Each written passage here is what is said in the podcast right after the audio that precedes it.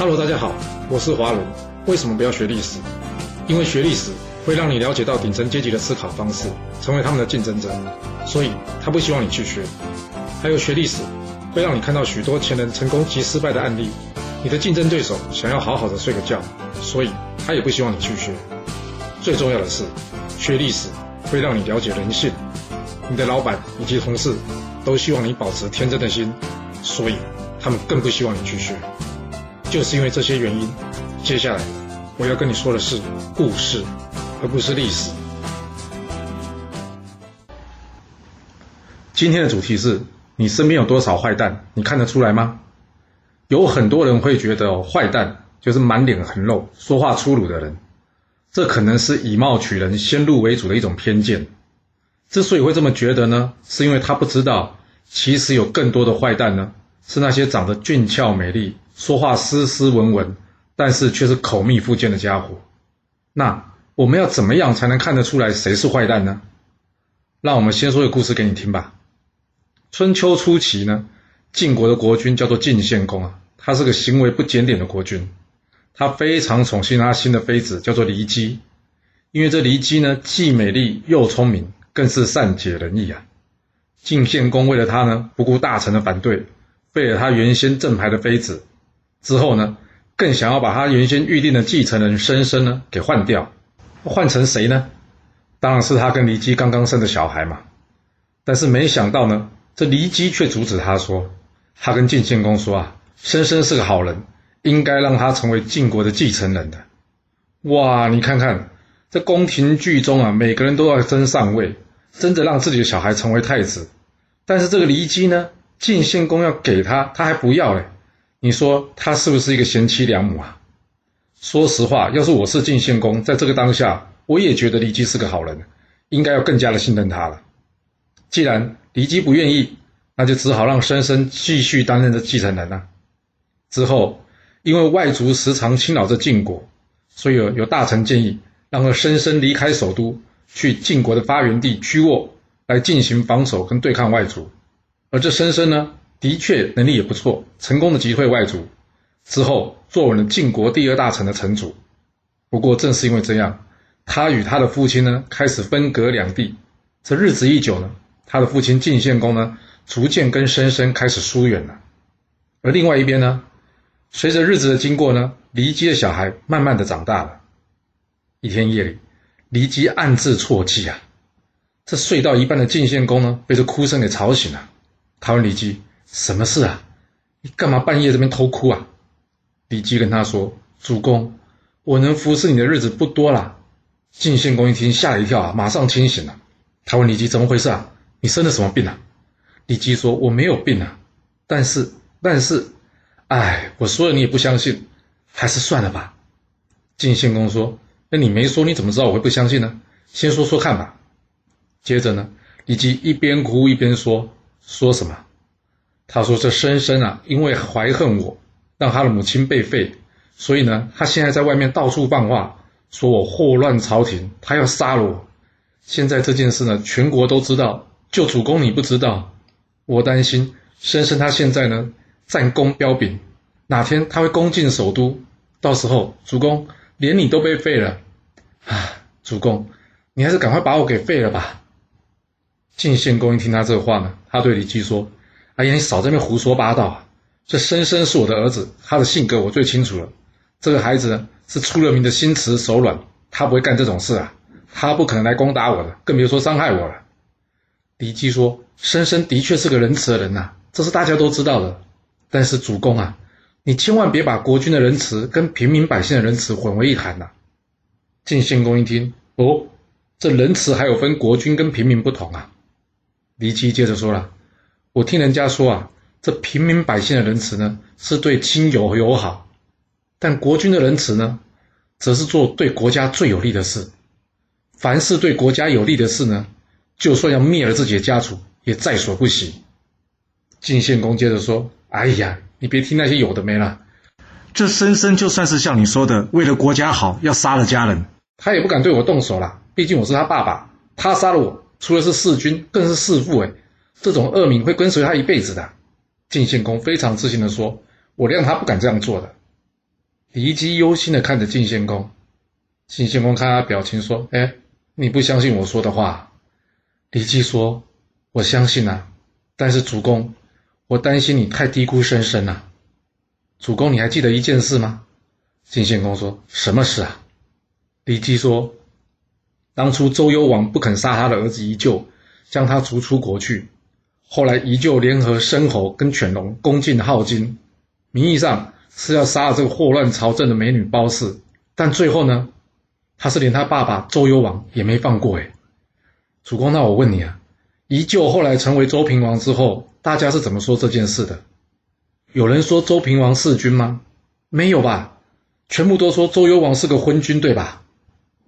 哇！晋献公听到这里了，突然间背脊发凉啊！对吼，历史是活着的人写的嘞，那要是死了就随便人家说嘞。他回过神来问骊姬：“那你觉得我该如何处理申生呢？”这骊姬会要晋献公杀了申生吗？你要是这么想，就太低估他了。毕竟这晋献公对申生还有一点父子之情。若到了紧要关头，晋献公突然反悔了。这申申不就知道骊姬的奸计了吗？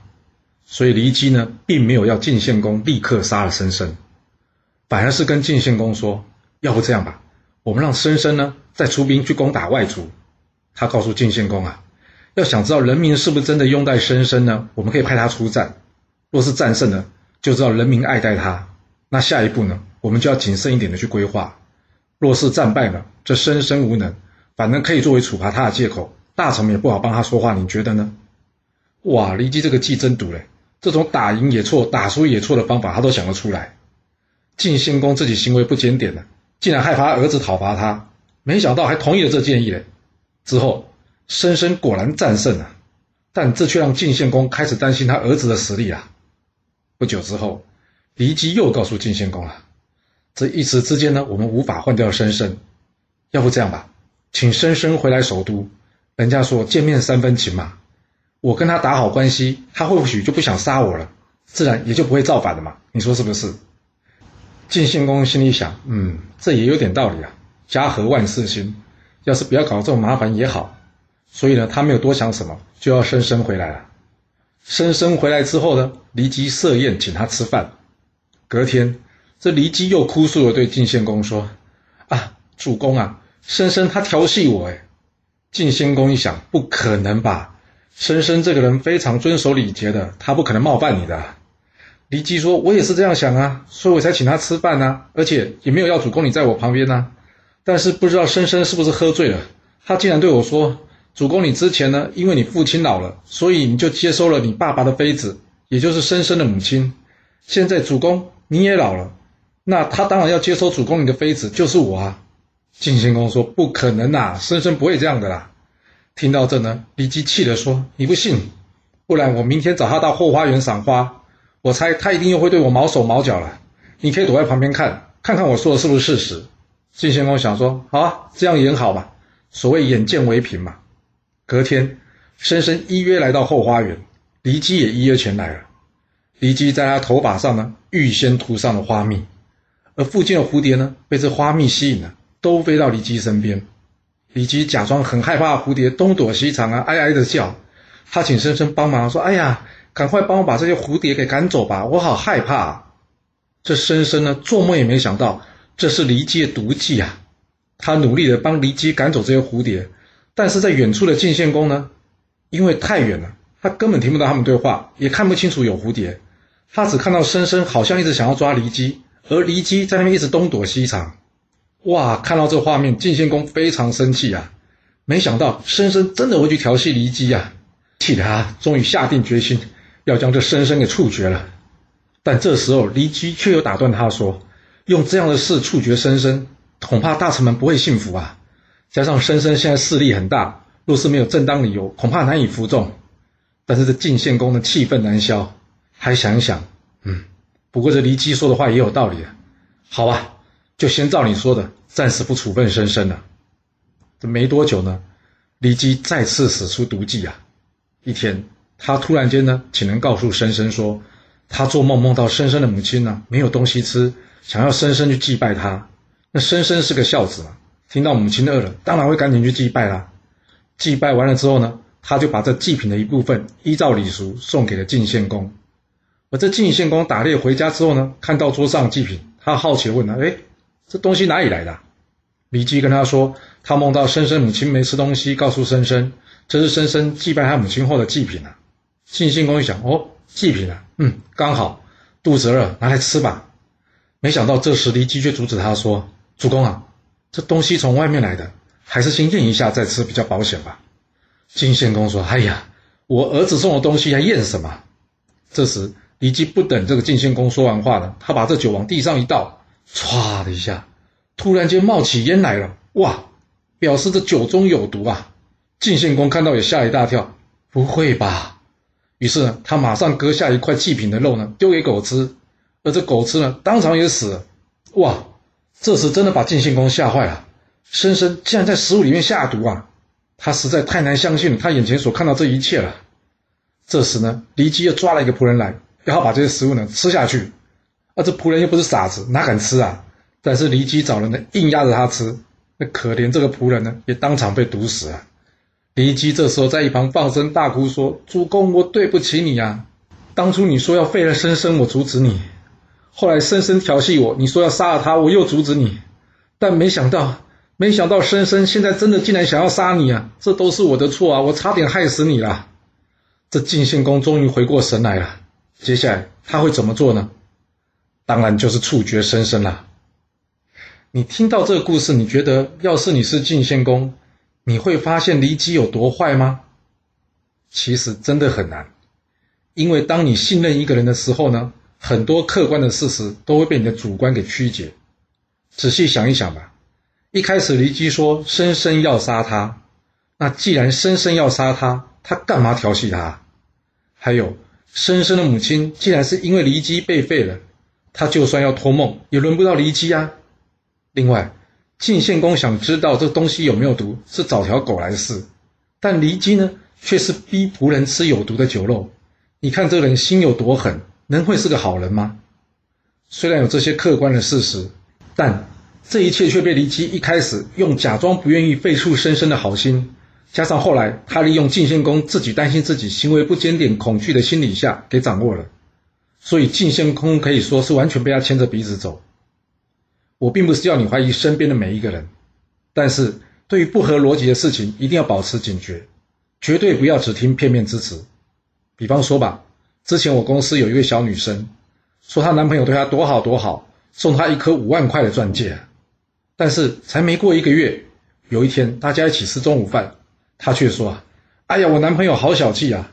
昨天呢，我们去吃素食店的东西，结果她钱带的不够，她男朋友呢先帮她垫了五块钱。”结果呢，她男朋友今天呢，竟然跟她追着要这五块钱。在场的所有的女同事呢，都骂她男朋友好小气哦，而且劝她呢，早一点离开这个男朋友，不要在一起了。你听出问题来了吗？这男的肯送她五万块的钻石，哎，但是却很计较五块钱。由于这前后两件事情呢，在时间上差了快一个月，加上人事健忘的了，所以我相信呢，很多人都会专注在这五块钱，而忘了前面的五万块的事情了。我想，这故事真正的答案呢，可能是第一，当初送这钻石的人呢，并不是她男朋友。这小女生收了别的男生的的礼物呢，但是不好说破，所以呢，说是她男朋友送的。又或是这钻石真的是她男朋友送的，但数十店五块的故事呢，却是假造的。反正不管结果怎么样啊，就是只有一个，她想要跟她男朋友分手。我只能说啊，这小女生心思很重啊，她想分手就分手嘛。干嘛搞得好像所有同事都建议她分手一样？哎，其实坏蛋的桥段呢，跟诈骗的人差不多的。他先让你讨厌呢，能影响你的人，或是让你们的关系疏远，这样就可以让你无法与他们对阵，而造成资讯上的孤立。你的资讯来源只剩下他，自然也就容易受他影响了。这点跟诈骗集团不是一样吗？诈骗集团不常常说：“你听我的，别听别人的。”所以不管什么时候呢，一定要保持警觉，并且呢，仔细比对一下这个人前后说的话，要是有不合逻辑之处呢，一定要找机会去求证，千万要小心啊！听说啊，我朋友说啊，我同学说啊这类的话，因为这些没有办法确认来源的话呢，通常是人家放话的开场白。你能明白这点，才有机会呢去辨别善恶，不容易成为被人家操纵，或是成为别人做坏事的棋子。你说是吧？